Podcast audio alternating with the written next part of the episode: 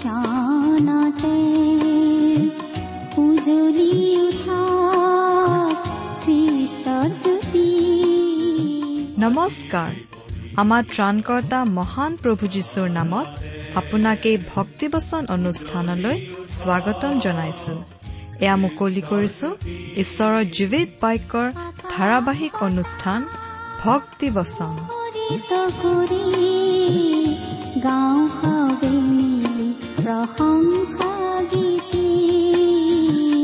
গাওঁ হাৱে মিলি প্ৰশংসা গীতি আজিৰে পবিত্ৰ ক্ষণতে উজলি উঠা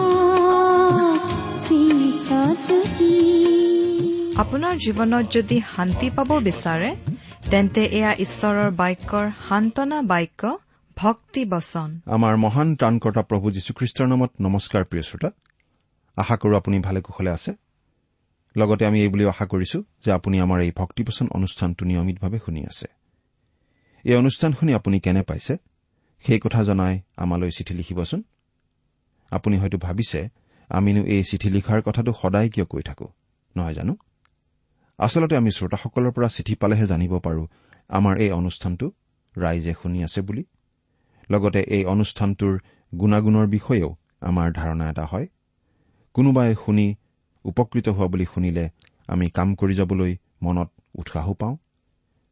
সেয়েহে চিঠি লিখিবলৈ শ্ৰোতাসকলক আমি বাৰে বাৰে অনুৰোধ জনাওঁ। আপুনিও দুআষাৰ লিখি পঠিয়াওকচোন। খ্ৰীষ্টীয় বিশ্বাস সম্বন্ধে কিবা জানিবলগীয়া কথা থাকিলেও আমালৈ লিখিব পাৰে। আমাৰ ঠিকনা ভক্তিবচন টি ডব্লিউ আৰ ইণ্ডিয়া ডাক বাকচ নম্বৰ সাত শূন্য গুৱাহাটী সাত আঠ এক শূন্য শূন্য এক। ভক্তিবচন T W R India postbox number seventy Guwahati seven eight one zero' zero' one. আমাৰ website W W W dot radio' eight eight two dot com প্ৰিয় শ্ৰোতা আপুনি বাৰু আমাৰ এই ভক্তিবচন অনুষ্ঠানটো নিয়মিতভাৱে শুনি আছেনে? আমি বাৰু এতিয়া বাইবেলৰ কোনখন পুস্তকৰ অধ্যয়ন কৰি আছো আপোনাৰ মনত আছেনে? যদিহে আপুনি আমাৰ নিয়মীয়া শ্ৰোতা তেতিয়াহ'লে আপুনি নিশ্চয় এই কথা জানে যে আমি ভালেমান দিন ধৰি বাইবেলৰ পুৰণি নিয়ম খণ্ডৰ আমোচ ভাৱবাদীৰ পুস্তক নামৰ পুস্তকখন অধ্যয়ন কৰি আছো। ইতিমধ্যে আমি বহুদূৰ আগবাঢ়ি আহিলো। আৰু আমি এই আমোচ ভাৱবাদীৰ পুস্তকৰ আঠ নম্বৰ অধ্যায়ৰ চাৰি নম্বৰ পদলৈকে আমাৰ আলোচনা আগবঢ়াই নিলো।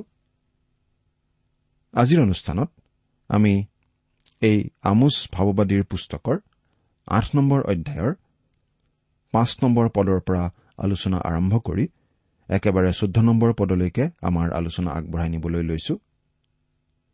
আজিৰ এই অনুষ্ঠানৰ যোগেদি আমি এই কথা জানিব পাৰিম যে ঈশ্বৰৰ বাক্য বাইবেল অধ্যয়নে আমাক কিমান ওপৰলৈ নিব পাৰে।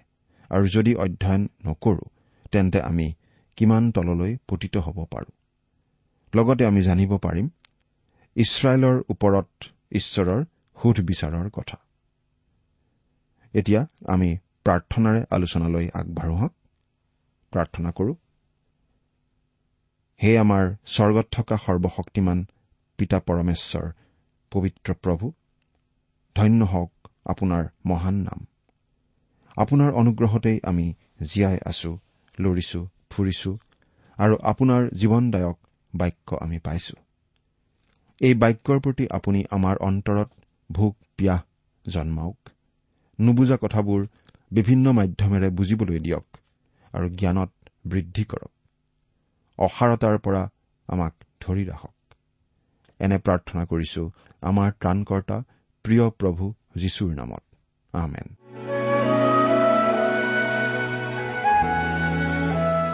প্ৰিয় শ্ৰোতা এতিয়া আমি মূল আলোচনালৈ আগবাঢ়ো। এয়া আমোচ আঠ নম্বৰ অধ্যায়ৰ পাঁচ নম্বৰ পদটো পাঠ কৰিছো শুনিবচোন। তোমালোকে কোৱা যে আমি ঐফাক সৰু আৰু চেকলক ডাঙৰ কৰি প্ৰবঞ্চনাৰ তোলাচনীৰে অন্যায় ব্যৱহাৰ কৰি শস্য বেচিবলৈ কেতিয়া ন জুনৰ আৰু ঘেঁহুৰ ভঁৰাল মেলিবলৈ কেতিয়া বিশ্ৰামবাৰৰ অন্ত হ'ব? চাওকচোন প্ৰিয় শ্ৰোতা। কি পাপিষ্ঠ মনৰ লোক আছিল তেওঁলোক? পাপীৰ মন পিঠাত বোলা কথাষাৰ বৰকৈ খাটিছিল এই লোকবিলাকৰ ক্ষেত্ৰত। ঈশ্বৰ উপাসনা কৰিবলৈ তেওঁলোক মন্দিৰলৈ গৈছিল ঠিকেই। কিন্তু উপাসনাত তেওঁলোকৰ মনটো নাছিল। ইছৰাইলীয় লোকসকলৰ বাবে বিশ্ৰামবাৰ আৰু ন জুন পবিত্ৰ দিন আছিল। সেই দুদিন তেওঁলোকে কোনো ব্যৱসায় কৰিব নাপাইছিল। কিন্তু ইছৰাইলীয়া লোকসকল ইমান নষ্ট পোৱা মনৰ মানুহ হৈ পৰিছিল। মন্দিৰলৈ যোৱাৰ বেলিকাও তেওঁলোকে তেওঁলোকৰ ব্যৱসায়ৰ দুখীয়াক অন্যায় অত্যাচাৰ কৰাৰ নিচিনা বিষয়ৰ ভাৱ চিন্তা মনত কঢ়িয়াই লৈ গৈছিল। তেওঁলোকে কুকাৰ্য কেৱল যে হাতে কামে কৰিছিল এনে নহয় কিন্তু ঈশ্বৰৰ আৰাধনা কৰিবলৈ যাওঁতেও ঈশ্বৰৰ পূজাস্থানতো তেওঁলোকে সেইবোৰ কথাকেহে চিন্তা কৰিছিল। তেওঁলোকৰ ঈশ্বৰ পূজা কেৱল আনুষ্ঠানিকতাতহে পৰিণত হৈছিল তাত আন্তৰিকতা একো নাছিল। এয়া নষ্ট পোৱা ইছৰাইলৰ লোকৰ কি চৰম কপট আৰু অন্তঃসাৰ শূন্যতাৰ স্পষ্ট ছবি? এয়া আমাৰ দিনৰ তেনে শ্ৰেণীৰ তথাকথিত খ্ৰীষ্টীয় লোকসকলৰো বাহ্যিক ধৰ্মকৰ্মৰ ভিতৰ ফোপোলা কি অভিনয়? এতিয়া আঠ নম্বৰ অধ্যায়ৰ ছয় নম্বৰ পদটো পঢ়ি দিছো শুনিবচোন। আমি ৰূপৰ নিমিত্তে দুখীয়াক এযোৰ জোতাৰ নিমিত্তে দৰিদ্ৰক কিনিব আৰু ঘেঁহুৰ পেলনীয়া ভাগ বেচিব খোজো। প্ৰিয় শ্ৰোতা আমোচ ভাৱবাদীৰ দিনত মুচিৰ ব্যৱস্থা অনুসাৰে দাসৰ বেচা কিনা পদ্ধতি আছিল। সেইকাৰণে সামান্য ধন দি বা এযোৰ জোতাৰ বিনিময়ত ধনীবিলাকে দুখীয়াবিলাকক কিনিব পাৰিছিল। সেই সময়ত দুখীয়া মানুহৰ জীৱনৰ মূল্য একেবাৰেই কম আছিল। আৰু ঘেঁহুৰ পেলনীয়া ভাগহে কিনিব পাৰিছিল। তাৰমানে খোৱাৰ অনুপযোগী পেলাই দিবলগীয়া খোৱা বস্তুবিলাকহে কিনিব পাৰিছিল। দুখীয়াৰ অৱস্থা ইমানেই দুখ লগা ধৰণৰ আছিল। চিন্তা কৰি চাওকচোন। এইকাৰণেই আমি এই কথা ক'ব খোজো যে খ্ৰীষ্টীয় মণ্ডলীৰ দুখীয়া ভাই ভনীসকলক পুৰণা জোতা বা কাপোৰ দি নাইবা খাদ্যবস্তুৰ পেলনীয়া ভাগ দি সহায় কৰিব বিচৰাটো উচিত নহয়। এগৰাকী বিখ্যাত বাইবেল শিক্ষকে তেনেদৰে তেখেতৰ অভিজ্ঞতা বৰ্ণাইছে যে তেখেতে যেতিয়া মণ্ডলীৰ পৰিচৰ্যা কৰি আছিল তেতিয়া এজন মানুহে খাই বাকী থকা গাখীৰ অলপ বৰ মৰমখনা মাতেৰে উপজাচি দিছিল। কিন্তু তেখেতে তাক গ্ৰহণ কৰা নাছিল। অৱশ্যে তেখেতে বেয়াকৈও খোৱা নাছিল। কিন্তু তথাপিতো এৰা দি মৰম দেখুওৱাটো তেখেতে সহজভাৱে ল'ব পৰা নাছিল। এইবিলাকেই হ'ল ঈশ্বৰৰ পৰিচাৰকৰ প্ৰতি কিছুমান মানুহৰ ব্যৱহাৰৰ চানেকি এই বিষয়ে দ্বিতীয় চমুৱেল চৌব্বিছ নম্বৰ অধ্যায়ৰ চৌব্বিছ নম্বৰ পদত ডায়ুদে কৈছে সেয়ে হ'ব নোৱাৰে। মই মূল্য দি তোমাৰ পৰা সকলো কিনি ল'ম। মই নিজৰ ঈশ্বৰ জিহুৱাৰ উদ্দেশ্যে বিনামূল্যে হোম বলি উৎসৰ্গ নকৰো। এইবুলি ডায়ুদে পঞ্চাছ চেকল ৰূপ দি সেই মৰণা মৰা খলা আৰু গৰুবোৰ কিনি ললে। প্ৰভু যীশু যেতিয়া পৃথিৱীত আছিল তেতিয়া তেওঁ মন্দিৰৰ ওচৰত বহি মানুহবিলাকে কেনেদৰে দান দিয়ে তাকে চাই আছিল। হয় তেওঁ আজিও আগ্ৰহেৰে চাই আছে যে আমি ঈশ্বৰৰ বাবে কিমান দিওঁ। আৰু আমি নিজৰ বাবে কিমান ৰাখি থওঁ। বাৰু এই পদটিৰ যোগেদি আপুনি নিশ্চয় বুজি পাইছে যে সেই সময়ত ইছৰাইলীয় লোকসকল কেনেকুৱা ধৰণৰ লোক আছিল। এইকাৰণে আমোছে তেওঁলোকক গৰম দিনৰ পাচিত থকা ফলৰ দৰে বুলি কৈছে। তেওঁলোকৰ ভাল কামবিলাক গৰম দিনৰ পচা ফলৰ দৰে আছিল। তাৰ প্ৰমাণ হ'ল দুখীয়াবিলাকৰ প্ৰতি তেওঁলোকৰ ব্যৱহাৰ। এতিয়া সাত নম্বৰ পদটো পঢ়িছো শুনিবচোন। জিহুৱাই জাকুবৰ গৌৰৱ স্থানৰ শপত খাই কৈছে নিশ্চয় মই তেওঁবিলাকৰ কাৰ্যবোৰৰ এটি কাৰ্যকো কেতিয়াও নাপাহৰিম। প্ৰিয় শ্ৰোতা ঈশ্বৰে জাকুবৰ যোগেদি যি শপত খাইছিল তাক সিদ্ধ কৰিলে। অৰ্থাৎ মানৱ জাতিৰ উদ্ধাৰৰ বাবে তেওঁ উদ্ধাৰকৰ্তাক পঠালেই। সেই উদ্ধাৰকৰ্তাজন হ'ল প্ৰভু যীশুখ্ৰীষ্ট। ঈশ্বৰৰ বাক্য যে সত্য আৰু প্ৰতিজ্ঞা ৰক্ষা কৰাত যে ঈশ্বৰ উদ্যোগী তাৰ বাবে ইয়াতকৈ আৰু ডাঙৰ প্ৰমাণ কি লাগে? এয়া হ'ল ঈশ্বৰৰ আন এটা প্ৰতিজ্ঞা যে তেওঁ বেয়া কাৰ্যবোৰৰ এটিকো নাপাহৰে। এই বিষয়ে আগৰ অধ্যায়ৰ আলোচনাত আমি পাই আহিছো যে খ্ৰীষ্টীয় বিশ্বাসীয়েই হওক বা বিশ্বাস নকৰা লোকেই হওক কোনো লোকৰ কোনো কাৰ্য ঈশ্বৰে নাপাহৰে। কিন্তু যিসকল খ্ৰীষ্টীয় বিশ্বাসী লোক তেওঁলোকৰ বিচাৰৰ ক্ষেত্ৰত দ্বিতীয় কৰিন্ঠিয়া পাঁচ নম্বৰ অধ্যায়ৰ দহ নম্বৰ পদত কোৱা হৈছে কিয়নো প্ৰতিজনে কৰা কৰ্ম ভাল হওক বা বেয়া হওক তাৰ দৰে শৰীৰৰ দ্বাৰাই কৰা কৰ্মৰ ফল পাবলৈ আমি সকলোৱে খ্ৰীষ্টৰ সুধৰ আসনৰ আগত প্ৰকাশিত হ'ব লাগিব। আমোচ ভাৱবাদীৰ দিনত ইছৰাইলীয়সকলে ঈশ্বৰৰ ক্ৰোধৰ দিনলৈ পাপৰ দম কৰিছিল আৰু ঈশ্বৰে সেই সকলোকে মনত ৰাখিছিল। এতিয়া আঠ নম্বৰ পদটো শুনিবচোন।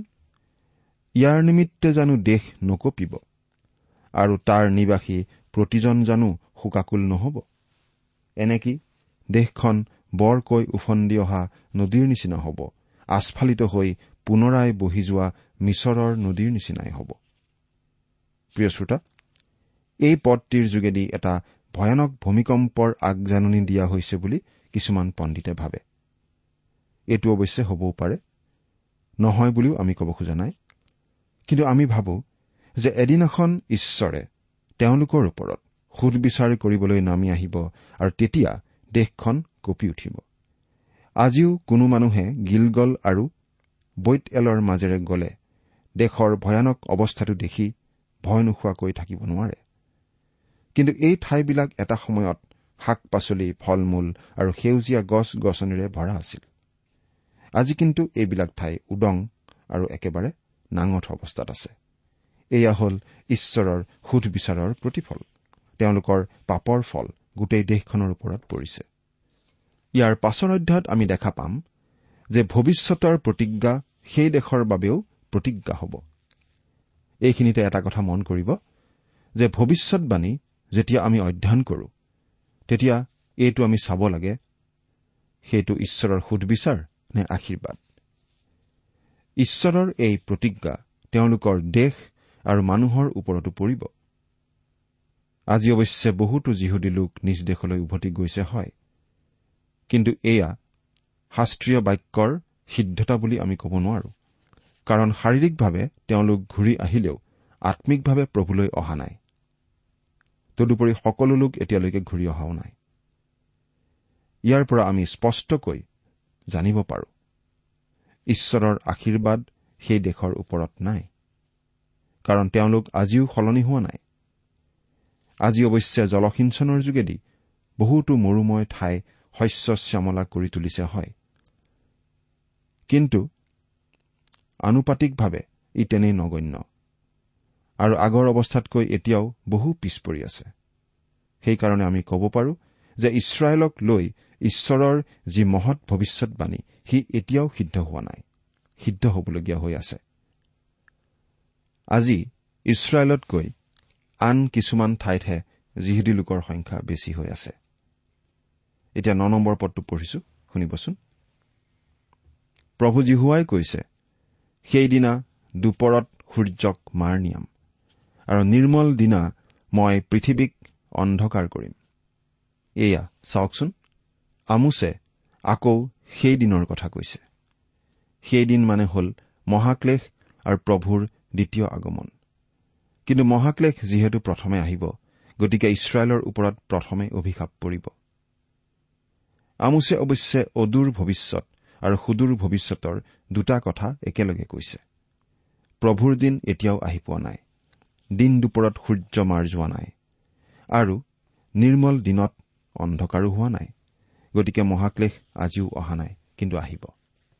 দহ নম্বৰ পদ। আৰু মই তোমালোকৰ উৎসৱ শোকত আৰু তোমালোকৰ আটাই গান বিলাপত পৰিৱৰ্তন কৰিম। মই আটাইৰে কঁকালত ছট পিন্ধাম আৰু প্ৰত্যেকৰ মূৰ টকলা কৰিম। একেটি পুত্ৰৰ নিমিত্তে শোক কৰা দি মই দেশখনক শোক কৰাম আৰু তাৰ আম্মিক কাল কষ্টদায়ক দিন যেন কৰিম। প্ৰিয় শ্ৰোতা ঈশ্বৰে ইছৰাইলীয়া লোকসকলক সাতটা উৎসৱ দিছিল। তাৰ ভিতৰত তিনিটা ডাঙৰ উৎসৱত ইছৰাইলৰ পুৰুষবিলাক আহিব লাগিছিল আৰু ঈশ্বৰৰ নামত আনন্দ কৰিব লাগিছিল। অৰ্থাৎ সেই উৎসৱকেইটা ঈশ্বৰক ধন্যবাদ জনোৱাৰ ঈশ্বৰৰ প্ৰশংসা আৰু গৌৰৱ কৰাৰ সময় আছিল। ইয়াত ঈশ্বৰে এই বুলি কৈছে যে তেওঁলোকে উৎসৱকেইটা পালন কৰিছিল কিন্তু ঈশ্বৰৰ ধন্যবাদ আৰু প্ৰশংসা হলে তেওঁলোকে কৰা নাছিল। সেইকাৰণে ঈশ্বৰে এই বুলি কৈছিল যে তেওঁলোকৰ উৎসৱবোৰ তেওঁ শোকত পৰিণত কৰিব। অৰ্থাৎ যি উদ্দেশ্যলৈ উৎসৱসমূহ দিছিল তাৰ ওলোটাটোহে কৰিব। আৰু ঈশ্বৰৰ অভিশাপ যেতিয়া আহে তেতিয়া গীত গান আনন্দ আৰু থাকিব নোৱাৰে। থাকিব কেৱল শোক আৰু বিলাপ। এঘাৰ নম্বৰ পদ শুনিবচোন। প্ৰভু জীহুৱাই কৈছে চোৱা যিদিনা মই দেশত অন্ন কি পানীৰ আকাল নহয় কিন্তু জিহুৱাৰ বাক্য শুনাৰ আকাল ঘটাম সেই দিন আহিছে। প্ৰিয় শ্ৰোতা এইটো এটি বৰ আচৰিত আকাল নহয়নে বাৰু? ঈশ্বৰে ইছৰাইলীয়সকলক নিজৰ বাক্য দিছিল কিন্তু তেওঁলোকে সেই বাক্য অগ্ৰাহ্য কৰিলে। আনকি তাক অস্বীকাৰ কৰি তাৰ পৰা আঁতৰিহে গ'ল। সেইকাৰণে ঈশ্বৰে কৈছিল যে এনেদিন আহি আছে যেতিয়া তেওঁলোকে ঈশ্বৰৰ বাক্য শুনাৰ কোনো সুযোগ নাপাব। এই একে কথাকেই ঈশ্বৰে আজিও খ্ৰীষ্টীয় মণ্ডলী আৰু মানুহক কৈ আছে যে তেওঁলোকে যদি ঈশ্বৰৰ বাক্য অগ্ৰাহ্য কৰে আৰু নুশুনে তেন্তে ঈশ্বৰে তাক আঁতৰাই লৈ যাব। এই কথা আজি আমি বহুতো দেশত দেখিবলৈ পাওঁ। বহুতো দেশত ঈশ্বৰৰ বাক্য শুনিবলৈ নাই। আৰু বহুতো দেশত ঈশ্বৰৰ বাক্যৰ ভুল শিক্ষা দিয়া হৈ আছে।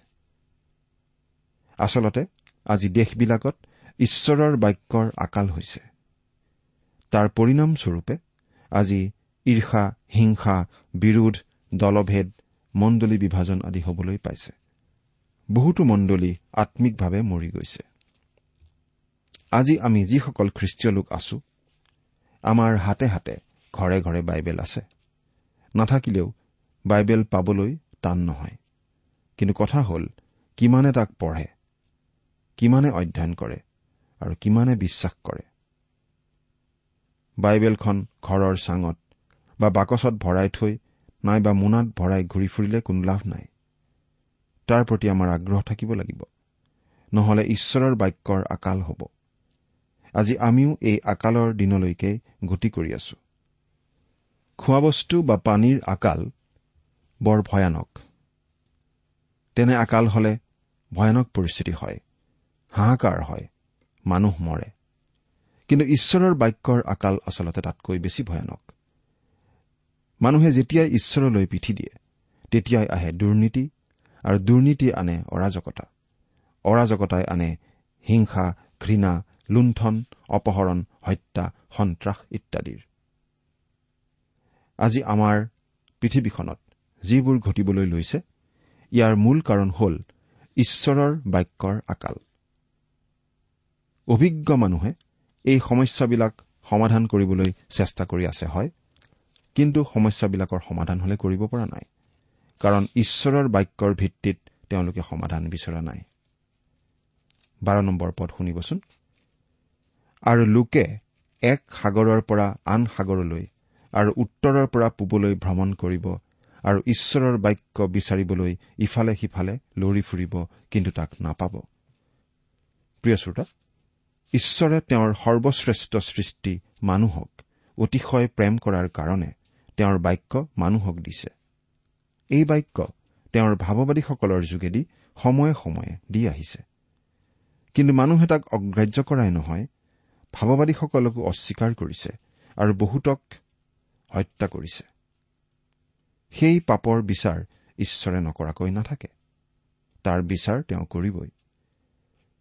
বিচাৰৰ এটা শাস্তি হ'ল যে ঈশ্বৰ একেবাৰে নীৰৱ হৈ থাকিব আৰু তেতিয়া মানুহে হাবাথুৰি খাই জলে থলে ঈশ্বৰৰ বাক্য বিচাৰিব কিন্তু নাপাব। এগৰাকী বিখ্যাত বাইবেল শিক্ষকে কৈছে যে তেখেতে বহুতৰ পৰা চিঠি পাইছিল আৰু তাত লিখিছিল যে তেওঁলোকে বাইবেল ভালদৰে বুজি নাপায় আৰু বুজাব পৰা মানুহো নাই। নাইবা কোনো বাইবেল শিবিৰ বা আলোচনা চক্ৰৰো কোনো ব্যৱস্থা নাই। এইবিলাক হোৱাৰ একমাত্ৰ কাৰণ হ'ল ঈশ্বৰৰ বাক্যৰ প্ৰতি আগ্ৰহৰ অভাৱ। আগ্ৰহ থাকিলে এনেকুৱা কেতিয়াও নহয়। আমাৰ দেশতো এনেকুৱা কিছুমান মানুহ আছে। তেওঁলোক নামত খ্ৰীষ্টিয়ান অথচ অতি সাধাৰণ কথা কিছুমানো তেওঁলোকে নাজানে।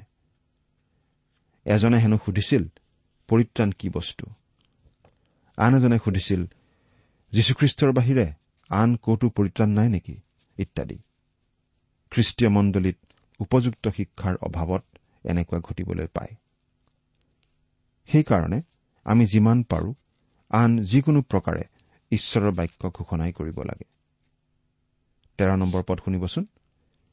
সেইদিনা সুন্দৰী যুৱতী যুৱাবোৰ পিয়াহত মূৰ্ছিত হ'ব। প্ৰিয় শ্ৰোতা ঈশ্বৰৰ বাক্যৰ আকাল হলে ডেকা গাভৰুসকল শাৰীৰিকভাৱে মূৰ্ছিত নহ'ব পাৰে কিন্তু আম্মিকভাৱে মূৰ্ছিত হ'ব। অৰ্থাৎ হিতাহিত জ্ঞান হেৰুৱাই পেলাব ভাল আৰু বেয়াৰ মাজত পাৰ্থক্য বিচাৰি নাপাব। অন্যায় পাপ বেভিচাৰ দুৰ্নীতি আদি কৰিবলৈ অকণো কুণ্ঠাবোধ নকৰিব। আজি এই পৃথিৱীখনৰ যুৱ সমাজৰ মাজত যিবোৰ উশৃংখলতা ই এক প্ৰকাৰ মূৰ্জিত অৱস্থাই হয়। বেয়াটোকে ভাল বুলি কৰে আৰু ভালটোক বেয়া বুলি ভাবে। এইবিলাক হৈছে ঈশ্বৰৰ বাক্যৰ সিদ্ধতাৰ আৰম্ভণি। এনে এটা সময় আহিব যেতিয়া ডেকা গাভৰুৱে হিতাহিত জ্ঞান হেৰুৱাই পেলাব। এনে পৰিস্থিতিৰ পৰা ৰক্ষা পাবলৈ আমি আটাইয়ে ঈশ্বৰৰ বাক্যলৈহে হাবিয়াস কৰোঁ হওক। যিবিলাকে চমৰীয়াৰ পাপ বস্তুৰ শপত খাই কয় হে দান তোমাৰ ঈশ্বৰৰ জীৱনৰ শপত। আৰু বেৰ চেবালৈ যোৱা চিৰস্থায়ী বাটৰ শপত তেওঁবিলাকে পতিত হ'ব আৰু কেতিয়াও নুঠিব। এই পদটিৰ এটি দীঘল ইতিহাস আছে। এটা সময়ত ইছৰাইলীয়া লোকসকলে অসাৰ বস্তুক লৈ ঈশ্বৰৰ নামত শপত খাইছিল। সেই পাপটোক চমৰীয়াৰ পাপ বুলি ইয়াত কোৱা হৈছে। তেনে এটা পাপ হ'ল যে এবাৰ ইছৰাইলীয়সকলে সোণৰ দামৰিৰ এটা মূৰ্তি নিৰ্মাণ কৰি তাক ঈশ্বৰ বুলি সেৱা কৰিছিল। ইয়াক বৈত এলত স্থাপন কৰিছিল আৰু এইটো আছিল প্ৰথম। তাৰ পাছত দ্বিতীয়বাৰ এটি সোণৰ দামৰি নিৰ্মাণ কৰি তাক দানত স্থাপন কৰিছিল। আনকি বেৰ চেবাত এনেধৰণৰ মূৰ্তিবোৰৰ এখন উদ্যানো আছিল। তাত তেওঁলোকে সেৱা উপাসনা কৰিছিল আৰু মূৰ্তিবোৰক লৈ শপত খাইছিল। তাৰ বাবে ঈশ্বৰে তেওঁলোকক ভয়ানক শাস্তি দিছিল যি শাস্তিৰ পৰা তেওঁলোকে আজিও উদ্ধাৰ পোৱা নাই। সেই শাস্তিটো কি জানেনে বাৰু? এটা সময়ত ইছৰাইল দেশখন দুভাগত বিভক্ত হৈছিল। উত্তৰ ইছৰাইল ৰাজ্য আৰু দক্ষিণৰ জিহুদা ৰাজ্য। উত্তৰ ৰাজ্যত ইছৰাইলৰ দহটা ফৈদে বাস কৰিছিল কিন্তু তেওঁলোকে যেতিয়া সত্য ঈশ্বৰলৈ পিঠি দি অসাৰ বস্তুক ঈশ্বৰ বুলি মানিবলৈ ধৰিলে তেতিয়া ঈশ্বৰে তেওঁলোকক শত্ৰুৰ হাতত এৰি দিছিল। বিদেশী শত্ৰুৱে তেওঁলোকক বন্দী কৰি নিছিল আৰু তেতিয়া চিৰদিনৰ বাবে ইছৰাইল জাতিটো ছিন্ন ভিন্ন হৈছিল আৰু দেশখনৰো পতন হৈছিল। তেওঁলোকে আৰু কেতিয়াও ইছৰাইলৰ উত্তৰাঞ্চল বা নিজ দেশ বুলি উভতি আহিব নোৱাৰিব। এয়াই হ'ল ঈশ্বৰলৈ পিঠি দিয়াৰ শাস্তি। তেওঁলোক পতিত হ'ব কেতিয়াও আৰু নুঠিব বুলি কোৱাৰ আক্ষৰিক অৰ্থ এইটোৱেই। অৱশ্যে শেষ কালত তেওঁলোক ইছৰাইললৈ ঘূৰি আহিব যদিও দহটা ফৈদ হিচাপে নহয় কিন্তু বাৰটা ফৈদৰ এটা অংশ হিচাপেহে আহিব। আম্মিকভাৱেও এই পদটিৰ যথেষ্ট গুৰুত্ব আছে। আজি আমি যদি ঈশ্বৰৰ বাক্যৰ প্ৰতি হাবিয়াস নকৰো তেন্তে ঈশ্বৰে তেওঁৰ বাক্য আমাৰ পৰা লুকুৱাব আৰু ঈশ্বৰক চিনি নোপোৱা আমি হ'ম। ঈশ্বৰৰ বাক্য অবিহনে আমি আম্মিকভাৱে মৰা। আম্মিকভাৱে মৰা মানেই হ'ল ঈশ্বৰৰ পৰা বিচ্ছেদ। এই বিচ্ছেদ বৰ ভয়ানক। ই অনন্ত মৃত্যু। এই মৃত্যুৰ পৰা যদি আপুনি হাত সাৰিব বিচাৰে তেন্তে আজিয়েই আপুনি সংকল্প কৰক। ঈশ্বৰৰ বাক্যৰ প্ৰতি আগ্ৰহী হ'ম বুলি সংকল্প কৰক। এনে কৰিলে ঈশ্বৰে আপোনাক কেঁচুৱাৰ দৰে আলফুলকৈ মৰম কৰি তেওঁৰ বাক্য ক্ৰমান্বয়ে বুজি পোৱাত সহায় কৰিব। এটা সময়ত ঈশ্বৰে তেওঁৰ মহৎ মহৎ আৰু মানুহৰ বোধৰ অগম্য কথাবিলাক আপোনাক জানিবলৈ দিব। তেতিয়া আপুনি নিজেই বাইবেলৰ এজন শিক্ষক হ'ব পাৰিব। বাইবেলৰ শিক্ষক হ'বলৈ স্কুল বা কলেজীয়া শিক্ষাৰ অৱশ্যে প্ৰয়োজন আছে। তাতকৈ বেছি প্ৰয়োজন হ'ল ঈশ্বৰৰ বাক্যৰ প্ৰতি ভোগ পিয়াহ। ভোক পিয়াহ থাকিলে ঈশ্বৰে খুৱাবই। আৰু জ্ঞানত বলৱান কৰিবই। পিতৰৰ জীৱনলৈ চাওকচোন এজন অশিক্ষিত মাছমৰীয়া। যীশুৰ লগত হয়তো মাত্ৰ চাৰে তিনি বছৰ সময় আছিল কিন্তু তেওঁ বিখ্যাত শিক্ষক আৰু পৰিচাৰক হৈ পৰিছিল। প্ৰিয় শ্ৰোতা আপুনি আৰু ময়ো পিতৰৰ দৰে ঈশ্বৰৰ বাক্যৰ জ্ঞানত বৃদ্ধি পাব পাৰো। আপুনি বাৰু ঈশ্বৰৰ বাক্যৰ প্ৰতি হাবিয়াস কৰি তেওঁৰ বাক্যৰ জ্ঞানত কিমান বৃদ্ধি পাইছে? চিন্তা কৰি চাওকচোন। ঈশ্বৰে আপোনাক আশীৰ্বাদ কৰক। আহমেন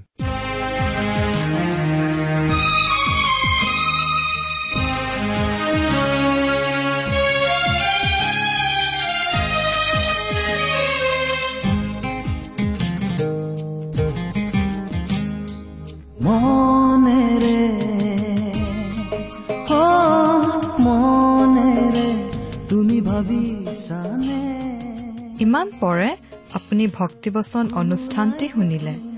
অনুষ্ঠানটি শুনি কেনে পালে? আমালৈ চিঠি লিখি জনাবচোন। অনুষ্ঠানত প্ৰচাৰ কৰা কোনো কথা বুজিব লগা থাকিলেও আমালৈ লিখক। আমাৰ ঠিকনা ভক্তিবচন টি ডাব্লিউ আৰ ইণ্ডিয়া ডাক পাকচ নম্বৰ সাত শূন্য গুৱাহাটী সাত আঠ এক শূন্য শূন্য এক। ঠিকনাটো আৰু এবাৰ কৈছো ভক্তিবচন টি ডাব্লিউ আৰ ইণ্ডিয়া ডাক পাকচ নম্বৰ সাত শূন্য গুৱাহাটী সাত আঠ এক শূন্য শূন্য এক। আপুনি ইমেইল যোগেৰেও আমাৰ সৈতে যোগাযোগ কৰিব পাৰে। আমাৰ ইমেইল আইডিটো হৈছে Assamese T TV at radio' eight eight two dot com. আইডিটো আকৌ এবাৰ কৈছো। Assamese T TV at radio' eight eight two dot com. আপুনি টেলিফোনৰ মাধ্যমেৰেও আমাক যোগাযোগ কৰিব পাৰে। আমাৰ টেলিফোন নম্বৰটো হৈছে শূন্য তিনি ছয় এক দুই ছয় শূন্য চাৰি ছয় সাত এক। ফোন নম্বৰটো আকৌ এবাৰ কৈছো zero' three six one two six zero' four six seven one. আজিৰ অনুষ্ঠানটি ইমানতে সামৰিছো। ঈশ্বৰৰ শান্তি আৰু অনুগ্ৰহ আপোনাৰ লগত থাকক। ধন্যবাদ। জীৱন গাথা যিচুৰ তেজে দিয়ে পূৰ্ণতা যিচুৰ কথাই চকুলো মুছে যিচুৰ বাদে কোনো নাই তোমাৰ কাহ মনেৰে মনেৰে তুমি ভাবিছানে। কোনো নাই তোমাৰ কতো নাই জগতত যিচুৰ বাদে কোনো নাই।